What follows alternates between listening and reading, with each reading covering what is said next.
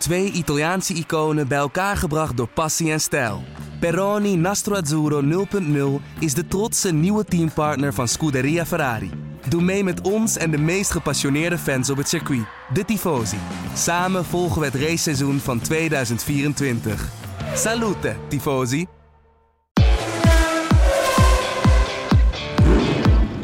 Dit is de Formule 1-podcast van De Telegraaf. Erik van Haren en Christian Albers praten hierbij over het belangrijkste Formule 1-nieuws. Voor de tweede keer op rij leidde Lewis Hamilton een Grand Prix van begin tot eind. We gaan ons nu opmaken voor een Italiaans tweeluik, maar laten we eerst nog even terugkijken naar de race op Spa-Francorchamps. Uh, Christian, ben je daar? Ja, Mooi, ik ben er live. Gezellig. Uh, ja, jij gaat me nu toch niet vertellen dat je het weer een leuke race vond, hè? Ja, ik vond het eigenlijk wel een spannende race. Maar ja, ik, ik bekijk de race iets anders natuurlijk als, uh, ja, als, als vele andere kijkers. Omdat ik echt kijk naar rondetijden en ik kijk ook echt wat er gebeurt qua strategie en al dat dingen. Dan, dan vond ik het eigenlijk best wel een interessante race. Ja, maar die kan misschien saai zijn voor jullie, ja. Dat klopt. Maar ja, ik kijk ook wel naar rondetijden. Maar ik, ik kijk, en ik denk veel mensen, ik wil niet zeggen dat ik de stem van het volk ben, maar um, je kijkt toch ook een race of sport in het algemeen voor actie op de baan. Hè?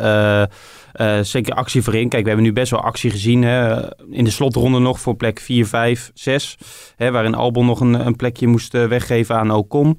We hebben een geweldige Gasly gezien, maar ja, ik kijk ook races om te, ja, voor, voor spanning uh, aan de voorkant van het veld. En dat zie je niet, uh, heb je nu niet teruggezien. En in Barcelona natuurlijk ook niet. Maar goed, dat is ook een beetje Formule 1 eigen. Maar ja, gisteren ook Lewis Hamilton, die, die, die, die race won, is zich bijna verontschuldigd. Van ja, sorry dat, uh, dat het zo voorspelbaar is. Maar daar kan ik ook niks te doen. Ik ben ook maar een coureur. Maar goed, ik vond de eerste ronde wel spannend, Erik. Ja, ik bedoel, de eerste ronde van de 44. Zie, ja, maar ik zie bijvoorbeeld Bottas uh, het gewoon niet, weer, weer niet voor elkaar hebben nee. om, uh, om de druk op te voeren bij Lewis. Terwijl iedereen weet dat als je gewoon een, een redelijke start hebt en je kan achter in de versnellingsbak duiken van Lewis Hamilton, dan heb je natuurlijk gewoon een gigantisch lang recht stuk. Uh, waar je de mogelijkheid kan creëren om Lewis Hamilton het leven zwaar te maken om, om voorbij te gaan. Mm -hmm. En dat heeft hij weer niet voor elkaar. Hij gaat liften in Eau Rouge. Hij verliest het hele lange rechte stuk, waardoor hij zichzelf in moeilijkheden ja, uh, begeeft met, met, met Max Verstappen en met de, met de mannen daar, daarachter. Dus ik moet je eerlijk zeggen, als ik kijk naar de eerste ronde en je ziet ook hoe Max hè, bijvoorbeeld een gevecht aanging met Ricciardo, dat hij ja. toch, hè, uh, Ricciardo toch een stapje terug deed om niet zoveel risico te nemen. Maar Max zich toch weer ja, ja, gigantisch breed maakt. Hè. De eerste turn 5, dan vond ik dat hij dat netjes deed. Turn 6 was een beetje kiele kiele. Hè. Max die drukt hem eigenlijk een stukje naar buiten. Hij kan natuurlijk zeggen, ja sorry, dat is de ideale lijn. Je moet hè, naar buiten en dan weer naar binnen. Um, maar dat was wel een beetje op, uh, op, uh, op het limiet. En dan, er komt eigenlijk uh, turn even kijken, 5, 6, 7, turn 8. Waar je eigenlijk ziet dat Ricciardo, hè, dat, dat Max echt het gas erop haalt buitenom in turn 7.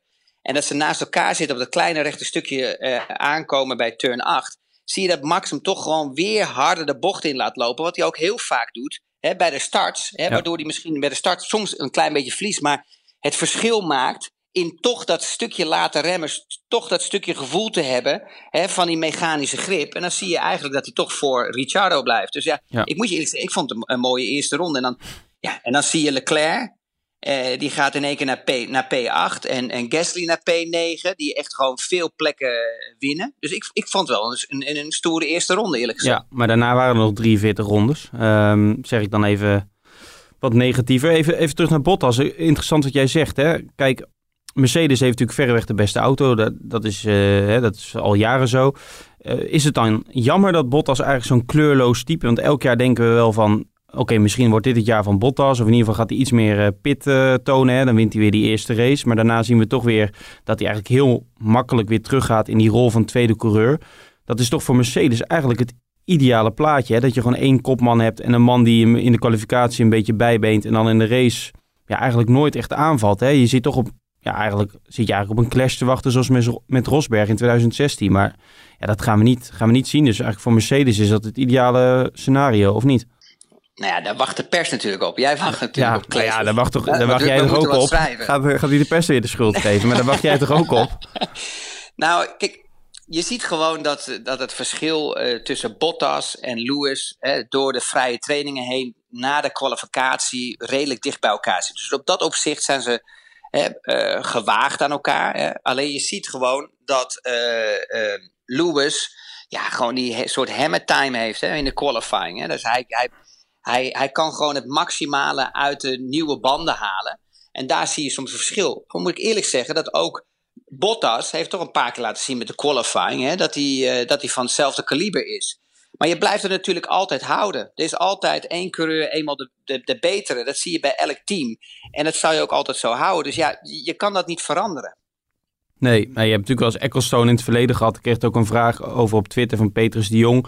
Zou Liberty, dat is misschien ook uh, wens, vader, gedachte, dat werk. Uh, zou Liberty Media, de, de eigenaar van de Formule 1, niet zoals Ecclestone vroeger moeten pushen om Max naast Hamilton in die Mercedes te zetten. Om de Formule 1 spannend te maken. Maar ja, dat, dat zijn natuurlijk vragen die je bijna niet kan beantwoorden, omdat dat toch niet gaat gebeuren. Kijk, Max heeft natuurlijk niet voor niets dit jaar een contract getekend bij Red Bull tot en met 2023. Dus dan had hij dat maar niet moeten doen, even heel simpel gezegd. Hè? Dat, dat, en waarom zou Mercedes een type Verstappen naast Hamilton zetten? Kijk, dat is wat wij misschien allemaal willen zien. Zeker als er één auto zo dominant is. Maar ja, Mercedes heeft daar natuurlijk helemaal niks aan. Want die, die gaan zo freewheelend op weg naar die zevende wereldtitel voor Hamilton.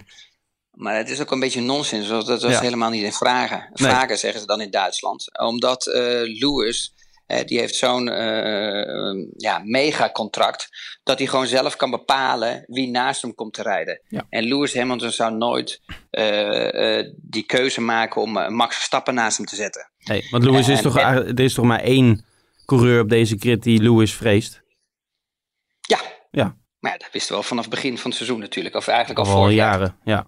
Ja, ja. Dus ja, dat blijft. Dat, maar kijk, een team moet ook goed functioneren. En een team functioneert niet met twee nummer 1 rijders. En dat zien we, en dat hebben we al een paar keer gezien met bepaalde voorbeelden. Je ziet bijvoorbeeld de Leclerc, hè, haantjesgedrag ook met, uh, met Vettel. Je ziet eigenlijk dat daar helemaal niks meer uitkomt. Daarvoor zie je ook dat Ferrari ook een drama begint te worden. Er, is gewoon, er is gewoon geen goede sfeer meer.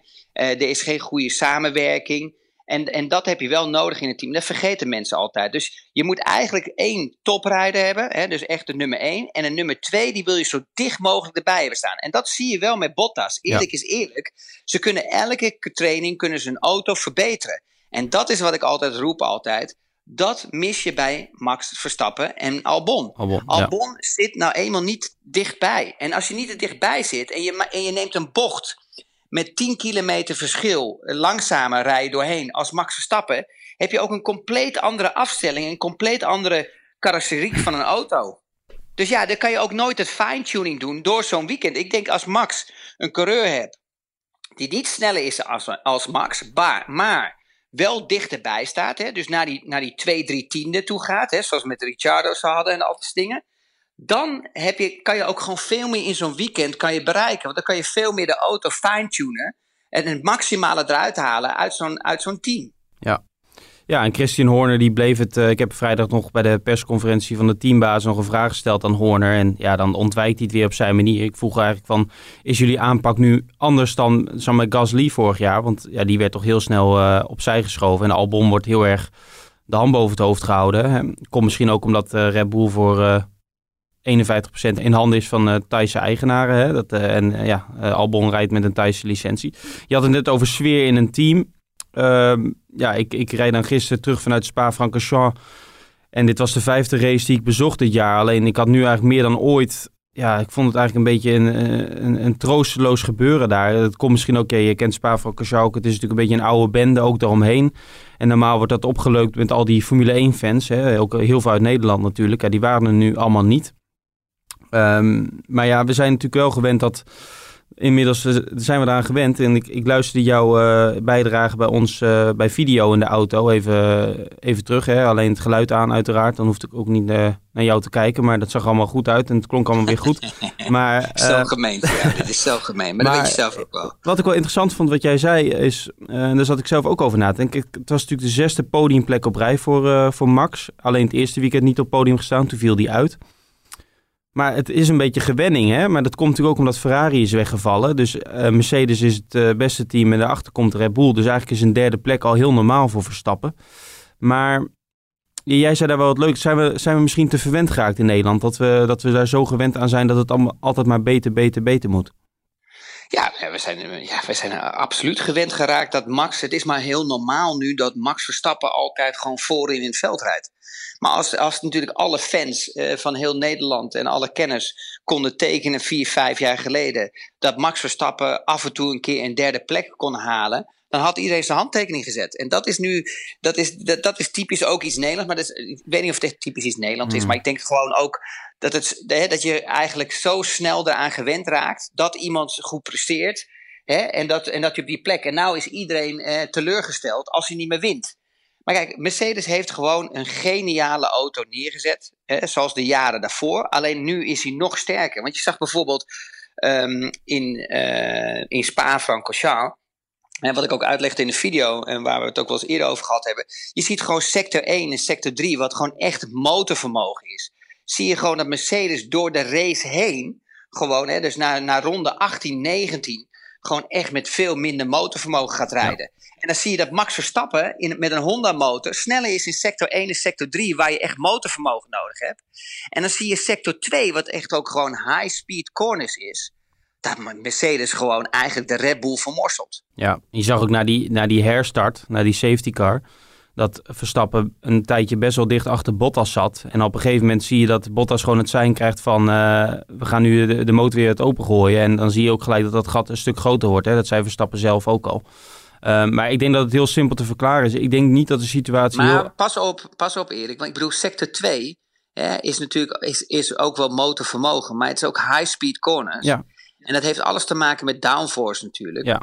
En je ziet daar dat gewoon de Mercedes echt veel, veel sneller is. We praten niet over twee, drie tiende in die sector. Nee. We praten met Lewis Hamilton gewoon over soms vijf, zes, zeven, tiende, achttiende in een middensector, in sector 2. En dan verliest Lewis het in sector 1, of gelijk bijna als. Uh, hij verliest het in sector 1. En mm. hij is gelijk in sector 3 met met Max. Dus dat laat maar zien dat het niet alleen maar de motor is. Het is niet, ik bedoel, iedereen is alleen maar gefocust op die Mercedes motor, Mercedes motor. Maar dat is niet waar. Want sector 2 zijn ze gewoon veruit de beste. En hebben ze ook gewoon nog veel marge over. Ze hebben gewoon de beste motor, maar ook de beste auto. Ja, dat is zo simpel is. Maar ik denk, even op Verstappen terug te komen, dat de situatie niet heel anders is dan een jaar of twee jaar geleden. Alleen toen zat Ferrari er vaak nog tussen.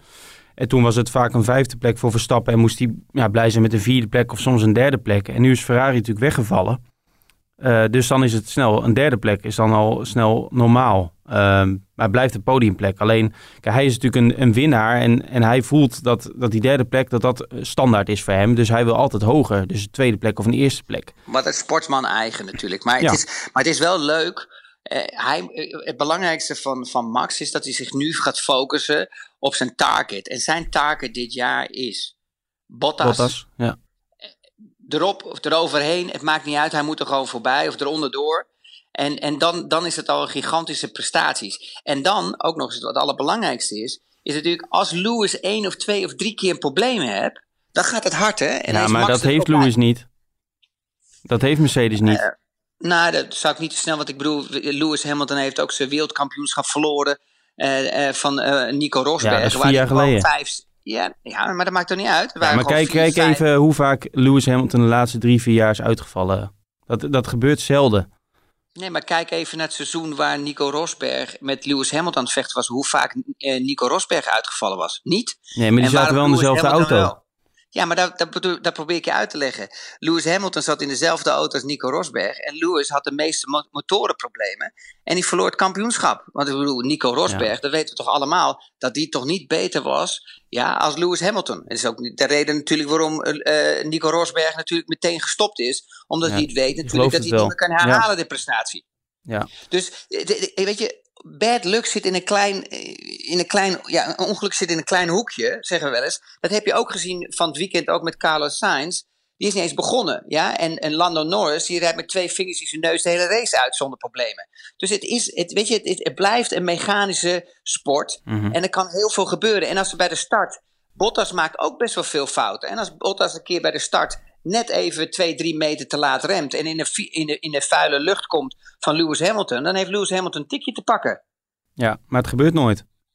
Nou, dat zeg nooit nooit. Je zou ja, nu zien dat het gaat gebeuren. Ja, maar ook al gebeurt één je, keer. Omdat je gezegd dat het niet gaat gebeuren. Nee, maar komend weekend in Monza wint Mercedes natuurlijk normaal gesproken ook. En dan, het gat is nu al 46 punten. Kijk even naar de, het, voor, de vorige jaren. Heb jij wel eens de eerste chicane gezien in Monza? Ja. Maar ik, heb het, ik zie ook. Ik wat zie denk ook wat er gebeurt als daar 20 auto's naartoe ja, komen? Nou, je, hebt het, je hebt het vorig jaar met Max gezien, volgens mij, of het jaar daarvoor. Ik weet ik even niet meer. Toen hij van achteren moest starten, dat het heel snel mis kan gaan. Ja, Hè? Dus dan eh, moest hij zo op de rem uh, trappen dat, dat hij eigenlijk niet meer wist wat, uh, wat er gebeurde om hem heen. Nog heel even kijken naar de komende weken. Denk je dat het een voordeel is voor Red Bull en Verstappen, ook gezien die uh, hegemonie van Mercedes, dat, dat we ook op een paar nieuwe circuits gaan reizen? Maar Mugello over twee weken, waar nog nooit een Formule 1 race is verreden? Ik denk dat alleen het voordeel is van Max, is dat hij natuurlijk uh, een natuurtalent is, waardoor hij snel op snelheid is op een, op een circuit wat hij niet kent. Maar ja, we, we spreken over de Big Boys League, weet je wel. Ja, mm. iedereen, iedereen is daar snel op, op snelheid. Dus ja, ik moet je heel eerlijk zeggen, ik zie daar nou niet echt voordelen of nadelen. Um, ik zie alleen alweer dat je twee Mercedes-coureurs hebben die dicht bij elkaar zitten, die dus veel sneller op een goede afstelling kunnen komen als Max. En dat hebben we van het weekend gezien, wat wel leuk is om even terug te gaan. Ja, weet je, er is maar één reden waarom uh, Albon continu op een ander compound wordt gezet. Is omdat hij gewoon de snelheid niet heeft. Dus ze willen dat snelheid, dat snelheid, die snelheid, dat gat wat is tussen Max en wat is tussen Albon qua snelheid, dat willen ze nu dichten door hem op een, op een zachte compound te laten ja. rijden. Ja. En, daar, en daarvoor hebben ze hem eerst op soft gezet en toen op medium hè, in plaats van hard, omdat hij dan dichter bij Max is. En je ziet dan nog steeds door de race dat hij hè, de eerste paar ronden een beetje hè, bij Max in de buurt komt. En dat is nog steeds 5, 16, wat veel te veel is per ronde. Mhm. Kijk, en daarna zakt hij in omdat die band uh, slechter wordt. Maar ze moeten hem continu op een ander compound zetten om hem vertrouwen te kunnen geven. En ook de, de, de, de rondetijden te kunnen matchen. Of in ieder geval dichter bij Max te komen. Ja, weet je, dat is voor mij al, ja, sorry, met alle respect, is absurd. Omdat je gewoon dan merkt gewoon dat het kaliber niet goed genoeg is voor Red Bull. Ja. Laten we naar Ferrari gaan, uh, Christian. Want ja, komende week Monza en die week erop Mugello. Dat is de, ja, de feestrace voor Ferrari, de duizendste race, de Formule 1. Ook de eerste race dit seizoen waar er publiek mag zijn. Uh, bijna 3000 uh, ja, tifosi per dag. Maar iemand zei me gisteren al ja, een beetje quasi grappig van... Misschien moet Mattia Binotto, de teambaas, dan persoonlijke beveiliging meenemen. Want het lijkt eigenlijk van kwaad tot erg te gaan daar.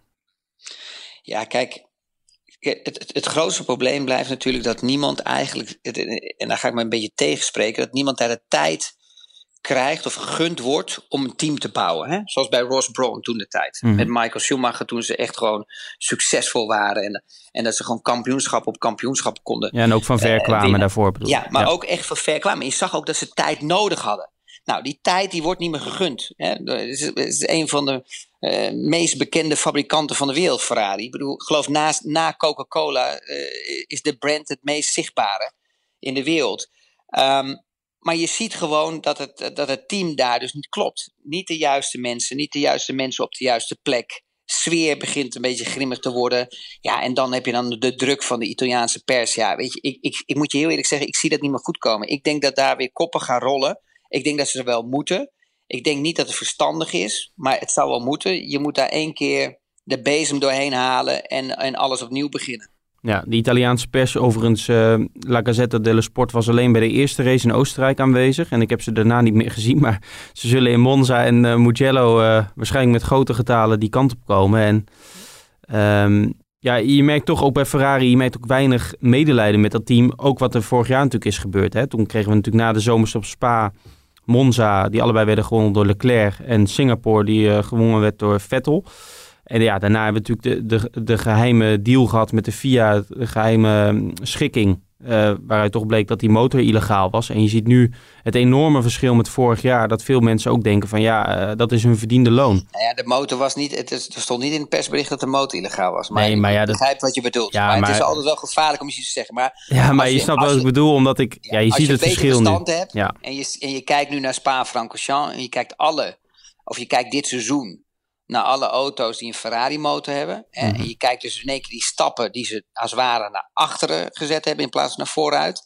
Ja, dat is, dat is, ja, dat is echt significant. Want ik bedoel, als je kijkt naar Sauber, ja, die komen er gewoon helemaal niet meer bij. Als je kijkt ja, naar Rijkonen, Alfa Romeo heet dat tegenwoordig, die haalt gewoon Vettel in op een gegeven moment. Ja, ja dat is, het, is, het, is, het, is echt, ja het is echt verschrikkelijk. En dat zie, je, ja, dat zie je bij Ferrari, dat zie je bij uh, Alfa Romeo en je ziet het bij Haas. Ja, dit zijn allemaal teams die met Ferrari-motoren rijden. Ja, kijk, dan heeft het niks meer te maken eh, met het chassis. Dan heeft het echt te maken met de motor. En dan, en dan hoor ik toch weer mensen zeggen: ja, Ferrari, ja, die is niet goed en dit en dat. En dat is niet waar. Want ik bedoel, ze presteerden wel redelijk op circuits hè, waar motorvermogen een, een mindere rol speelt. dus op zich de auto ja, is niet als dezelfde level of de league als een Red Bull, hè, als een McLaren, als een, uh, uh, als een Mercedes. Maar ze doen het niet heel slecht. Je, je ziet nu bijvoorbeeld dat ze echt gewoon niet meer in die laatste tien komt, in die qualifying, in die Q1, daar komen ze niet meer bij, omdat het hier echt motorvermogen is. Ja, dus dat gaat ook verschrikkelijk worden in Monza. Ze moeten daar iets gaan vinden. Hè, van mij het vleugels eraf halen, om die, om die topspeeds te gaan halen, hè, om, om erbij te komen. Ja, ja, je ziet eigenlijk Haas en uh, Alfa Romeo, de klantenteams van Ferrari, die, die vallen standaard af naar Q1 hè, op zaterdag. Um, ja. je, je, ziet eigenlijk dat Ferrari nu blij mocht zijn dat ze Q2 haalden, ten nauwe nood. Want in de laatste training was Vettel uh, de langzaamste van het stel. Die was nog langzamer dan Russell. En ook in Q1 op, uh, tijdens de kwalificatie zaterdag werden, was Russell sneller. Of die split eigenlijk de, de beide Ferraris. Dus de Williams-coureur. Ja, dus... maar, voor, maar, maar de races daarvoor zaten ze wel in Q3 nog. Hè? Uh, ja, of, in, of in ieder geval één coureur. En, en, en laten we niet vergeten dat Leclerc ook gewoon twee keer op podium heeft gestaan. Hè? Ja, dus ja. Het, het, ja, je ziet dat altijd slecht is de auto niet. Nee. Zo slecht is de auto niet. Maar ze komen gewoon echt uh, ja, motorvermogen tekort. En dat is zichtbaar bij alle drie de teams. Ja. Want Al, uh, Alfa Romeo was natuurlijk vorig jaar uh, ja, gewoon ja, buitengewoon goed. Ze zijn er nooit zo goed geweest.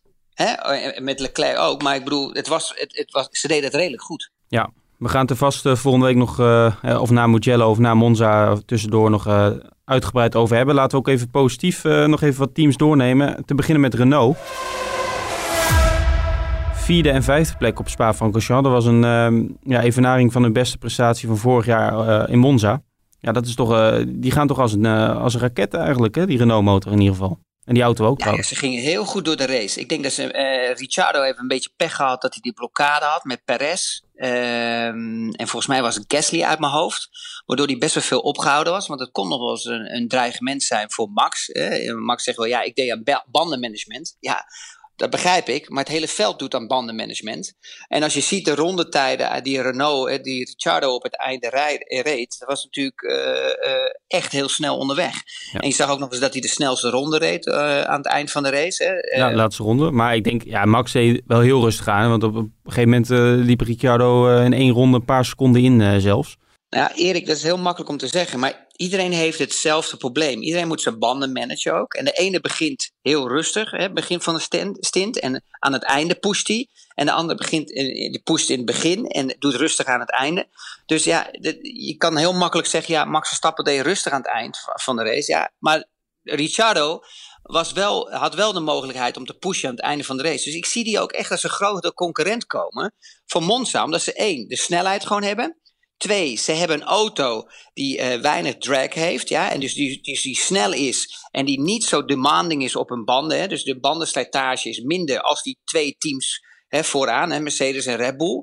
En daarom zie je dan aan het einde van de race hè, dat ze veel, veel sneller rondetijden draaien als, die, uh, als, de, als, de, als de topteams voorin. Oké, nou laten we voorspellen. Jij zegt dus dat volgende week in Monza um, Renault. Ik wil niet zeggen dat ze voorbij Verstappen staan op zondag, maar uh, gaan, maar dat ze er dichtbij zitten. Ja, 100%. Nou, ik denk het ja. niet. Nee, oké, maar dat maakt niet uit. Laten we volgende week het even terughalen en dan uh, gaan we het zien. Is goed. Ja.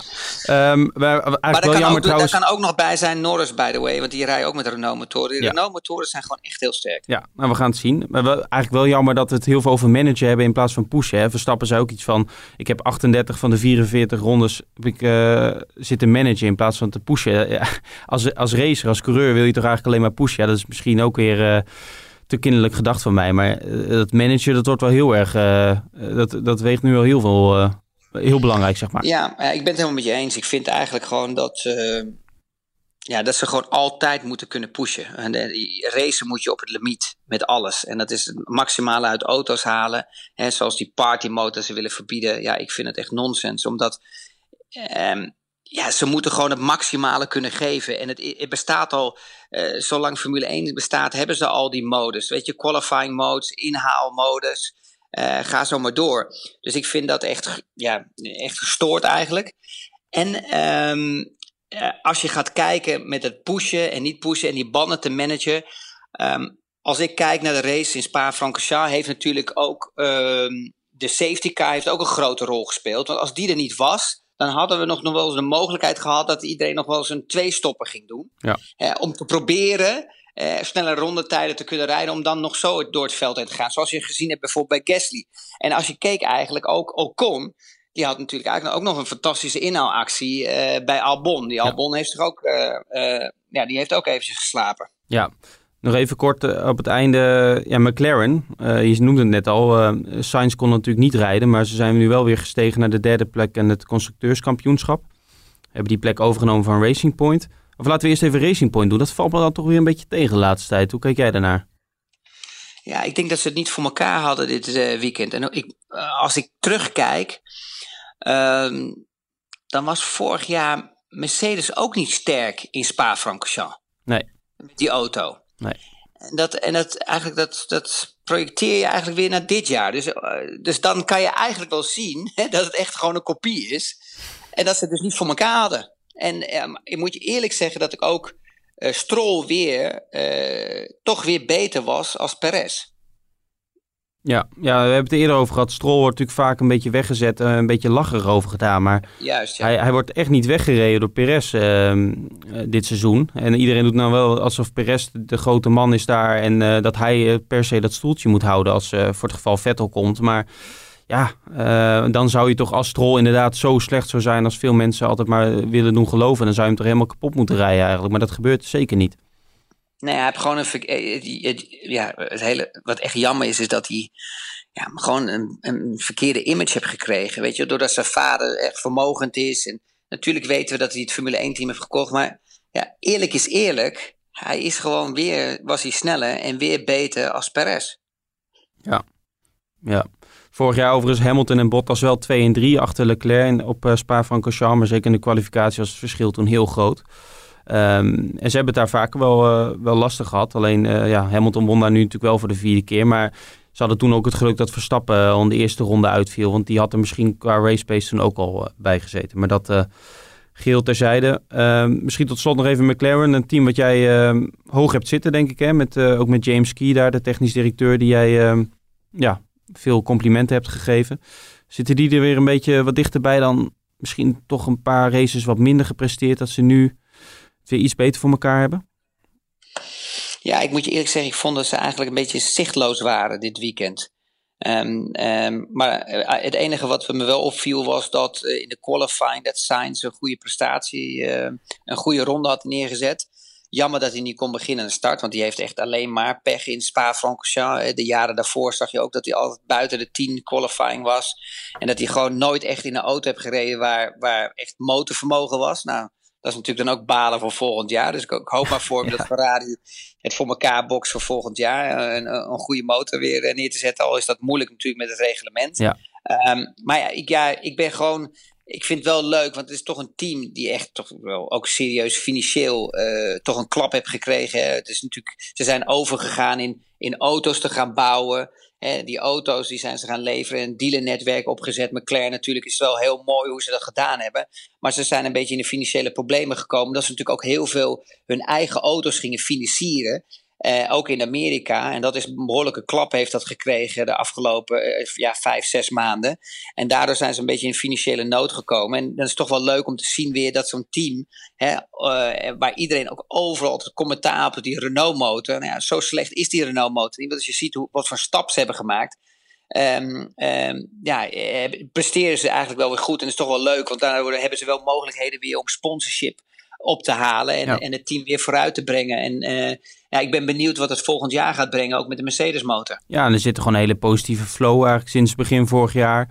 Ik denk dat Norris en Sainz, dat koppel, is ook gewoon een schot in de roos gebleken. Ja, en, en Sainz wordt natuurlijk vervangen volgend jaar door, um, door Ricciardo. Ja, dat, dat is natuurlijk uh, marketingtechnisch ook een hele goede zet. Hè? Dat is voor je uitstraling van je team. Natuurlijk gaat het erom wat je op de baan laat zien. Maar ja, dat zijn natuurlijk wel twee... Dat wordt natuurlijk uh, lachen, gieren, brullen. Um, dat ja, om, voor je uitstraling ook wel, uh, wel ik goed. moet je eerlijk zeggen, ik ben wel echt een fan van Ricciardo. Als je toch ziet altijd met een qualifying... hoe die echt die ronde eruit perst. Hè? Hoe die dus ook eigenlijk altijd zijn teamgenoot... ja, gewoon net zoals Max vermorselt... Mm -hmm ze dan terug gaan kijken, had natuurlijk Red Bull wel het ideale team. Max was daar gewoon ja, de betere. Hè? En Max was toen ook nog een jongeling. En toch al laten zien hè, dat hij de beste was. Maar die twee waren wel gewaagd aan elkaar. En het was gewoon echt een ja, fantastisch team. Eh, je zag ook bijvoorbeeld in qualifying dat hij ook vaak Max verraste. Maar dat was ook Max zijn eerste jaren. Ik denk als ze nu bij elkaar zijn, dat het dan echt een ja, dat het echt vuurwerk is. Ja, laatste jaar was het ook al 15-5 uit mijn hoofd voor Verstappen. Dus um, ja, toen zag je toch wel dat hij ook daarin op de zaterdag een duidelijke stap had gemaakt. En, en Ricciardo heeft misschien financieel toen net op tijd uh, eieren voor zijn geld gekozen door nou, voor een geweldig contact voor Renault te kiezen. Maar ik denk dat ze bij Red Bull nog steeds wel uh, zich achter de oren krabben dat ze hem te makkelijk hebben laten gaan. ja, maar het was natuurlijk ook zo. Je wilt gewoon als coureur wil je de beste zijn. En als je, als je de mogelijkheid hebt om weg te kunnen gaan, om weer een team te kunnen bouwen en, het salaris uh, is ook beter. En je wordt niet meer vermorseld op de zaterdag en je hebt die stress niet meer. Dat is ook wel een fijn gevoel. Ja. Dus dan is het eigenlijk alleen maar een win-win situatie. En iedereen denkt er altijd heel makkelijk over. Iedereen denkt al, ja, geld, dit en dat. Maar het zijn meerdere factoren. Het is en, je kan een nieuw team bouwen. Het is een fabrieksteam. Dus je weet altijd dat daar genoeg eh, financiële middelen achter staat. Twee, je hebt die druk niet meer van Max Verstappen, hè, die je altijd op zaterdag en zondag vermorselt. En drie, ja, weet je, het salaris is ook nog eens een keer uh, significant hoger. Ja, win-win-win-win situatie dus, als ik het zo hoor. Ja. Ja, oké. Nou, we gaan op naar uh, Monza. Laten we elkaar volgende week maandag weer spreken. Iets later op de dag, denk ik. Want ik moet eerst uh, terugvliegen vanuit Milaan. Speciaal voor jou kom ik terug naar Nederland er tussendoor. Dus ik hoop dat je je vereerd voelt. En uh, ja, aan de luisteraar graag de, ja, de vraag, uh, laat vooral iets achter via de, via de recensiekanalen. Want we krijgen best wel leuke recensies binnen. Volgens mij uh, werd jij geadviseerd om, um, om wat minder een, een stopwoordje of een stopzinnetje ja, te doen. het is een drama. Joh. Ik heb het niet gehoord, dit, deze Maar ze hebben wel gelijk. Ja. Het, is heel, het is echt heel erg om jezelf te horen. Dus ik, ik, naar jezelf te luisteren, dat is echt verschrikkelijk. Maar ja. ik moet je eerlijk zeggen, dat ik zeg altijd eerlijk. Hè, dus ja. dat, je, dat ik, ja, altijd vaak Duits en Engels praat. En, als, en, en meer eigenlijk als Nederlands. En mijn kinderen spreken ook, ja, die gaan sneller over naar Engels. Dus dat is uh, voor mij ook altijd even zoeken naar woorden. En dan blijf je altijd van die, ja, van die woordjes houden. Ja, het is echt verschrikkelijk ja, maar als, je, moet je, ik, als je naar luistert. Moet ik je eerlijk zeggen, dat was het zinnetje inderdaad. Maar ja, is dat ja. ook iets voor coureurs? Want Leclerc zegt bijvoorbeeld ook heel vaak, die, die begint bijna elke zin met uh, to be honest. Ik denk dat het ook te maken heeft met de taal. Weet je, als je in een andere taal spreekt. En nou ben ik natuurlijk ja, puur zo Nederlands. Maar uh, ja, mijn, waar ik woon is natuurlijk uh, taal nummer één Engels. Ja. En daarnaast heb ik natuurlijk veel uh, business in, in Duitsland. Dus je gaat ook snel Duits praten. En dan, als je dan teruggaat naar Nederlands, dan merk ik soms wel eens dat die omschakeling, ja, misschien omdat ik ook ouder word, dat het wat trager dat is. Zijn, ja het is, ja, het is wel je moedertaal, maar toch verlies je een beetje die moeder. Weet je wel, ja, die echt die oude. Ja, ja, ik, ja, ik weet niet waarom. Nee. Hey, wat ik wel nog belangrijk vind, daar moeten we nog heel even over hebben, want we hebben toch nog 10 seconden en ik weet dat je heel goed kan knippen. Maar het is wel leuk als we nou uh, die uh, Tsunoda. Ja. Uh, die zou echt gewoon volgend jaar echt een ja. kans moeten krijgen bij uh, Alfa Dat gaat ook gebeuren, dat kan niet anders. Ja, dat is, want eh, ik bedoel, in, in Kiewat heeft ze echt zijn beste tijd gehad. En het, het, het is begonnen als een, als een opleidingsteam. Ja. En dan moeten ze nu ook echt weer laten zien. Want ik bedoel, uh, kijk, Gasly heeft een fantastische race gereden. Die was gewoon weer eigenlijk beter als Albon. Alleen die is gewoon mentaal gewoon, uh, ja, gewoon kapot gemaakt. Uh, en dus je ziet dat ze er wel van geleerd hebben. Want ze proberen bij Albon alles eraan te doen hè, om, om, om de rust te creëren. Dat hij goed kan presteren. Maar ja, ja het blijft maar, natuurlijk gewoon... Uh... Ja, Yuki Tsunoda won dit weekend zijn tweede Formule uh, 2 race. Maar dat is toch wel... Het is een temperamentvol mannetje. Het is een Japanner. Ja, uh, Alfa Tauri en Red Bull rijden met een Honda motor. Het kan me niet voorstellen dat hij volgend jaar niet bij Alfa Tauri rijdt. Um, ja, ik denk ook in, in plaats van Kwiat. En ik denk dat dat hartstikke leuk is. En misschien werkt het ook wel goed in de onderhandelingen met Honda. Hè, want dat contract loopt maar tot en met volgend jaar. Dus um, dat zal er misschien ook nog achter zitten. Maar ik, uh, die zou het zeker verdienen. Dat is in ieder geval iemand die, die misschien ook in de Formule 1 ja, wat, wat meer spektakel brengt. En volgens mij is, met hem altijd, is dat met hem altijd wel een verhaal te maken. Dat is voor mij als journalist ook altijd goed natuurlijk. Maar laten we hopen dat Honda doorgaat. Hè? Laten we hopen dat Honda doorgaat, want ja, ze hebben eigenlijk het geweldig gedaan de laatste jaren, hoe die motor die stappen heeft gemaakt, hè, van McLaren afkomend. En dat ze altijd maar gepusht hebben. En ik vind dat die ook wel eens af en toe in het zonnetje gezet mogen worden, ook door Bull. Ik vind dat eigenlijk, er komt wel waardering, maar ik vind dat het nog wel meer beter kan. Ja, nou misschien kunnen ze het volgende weekend doen, al zie ik het eh, wat dat betreft uh, zwaar in. Laten we gaan kijken wat er allemaal gaat gebeuren in Monza en de Formule 1, maar ook in de Formule 2 met uh, Yuki Tsunoda. Chris, ik spreek je volgende week weer. Dankjewel.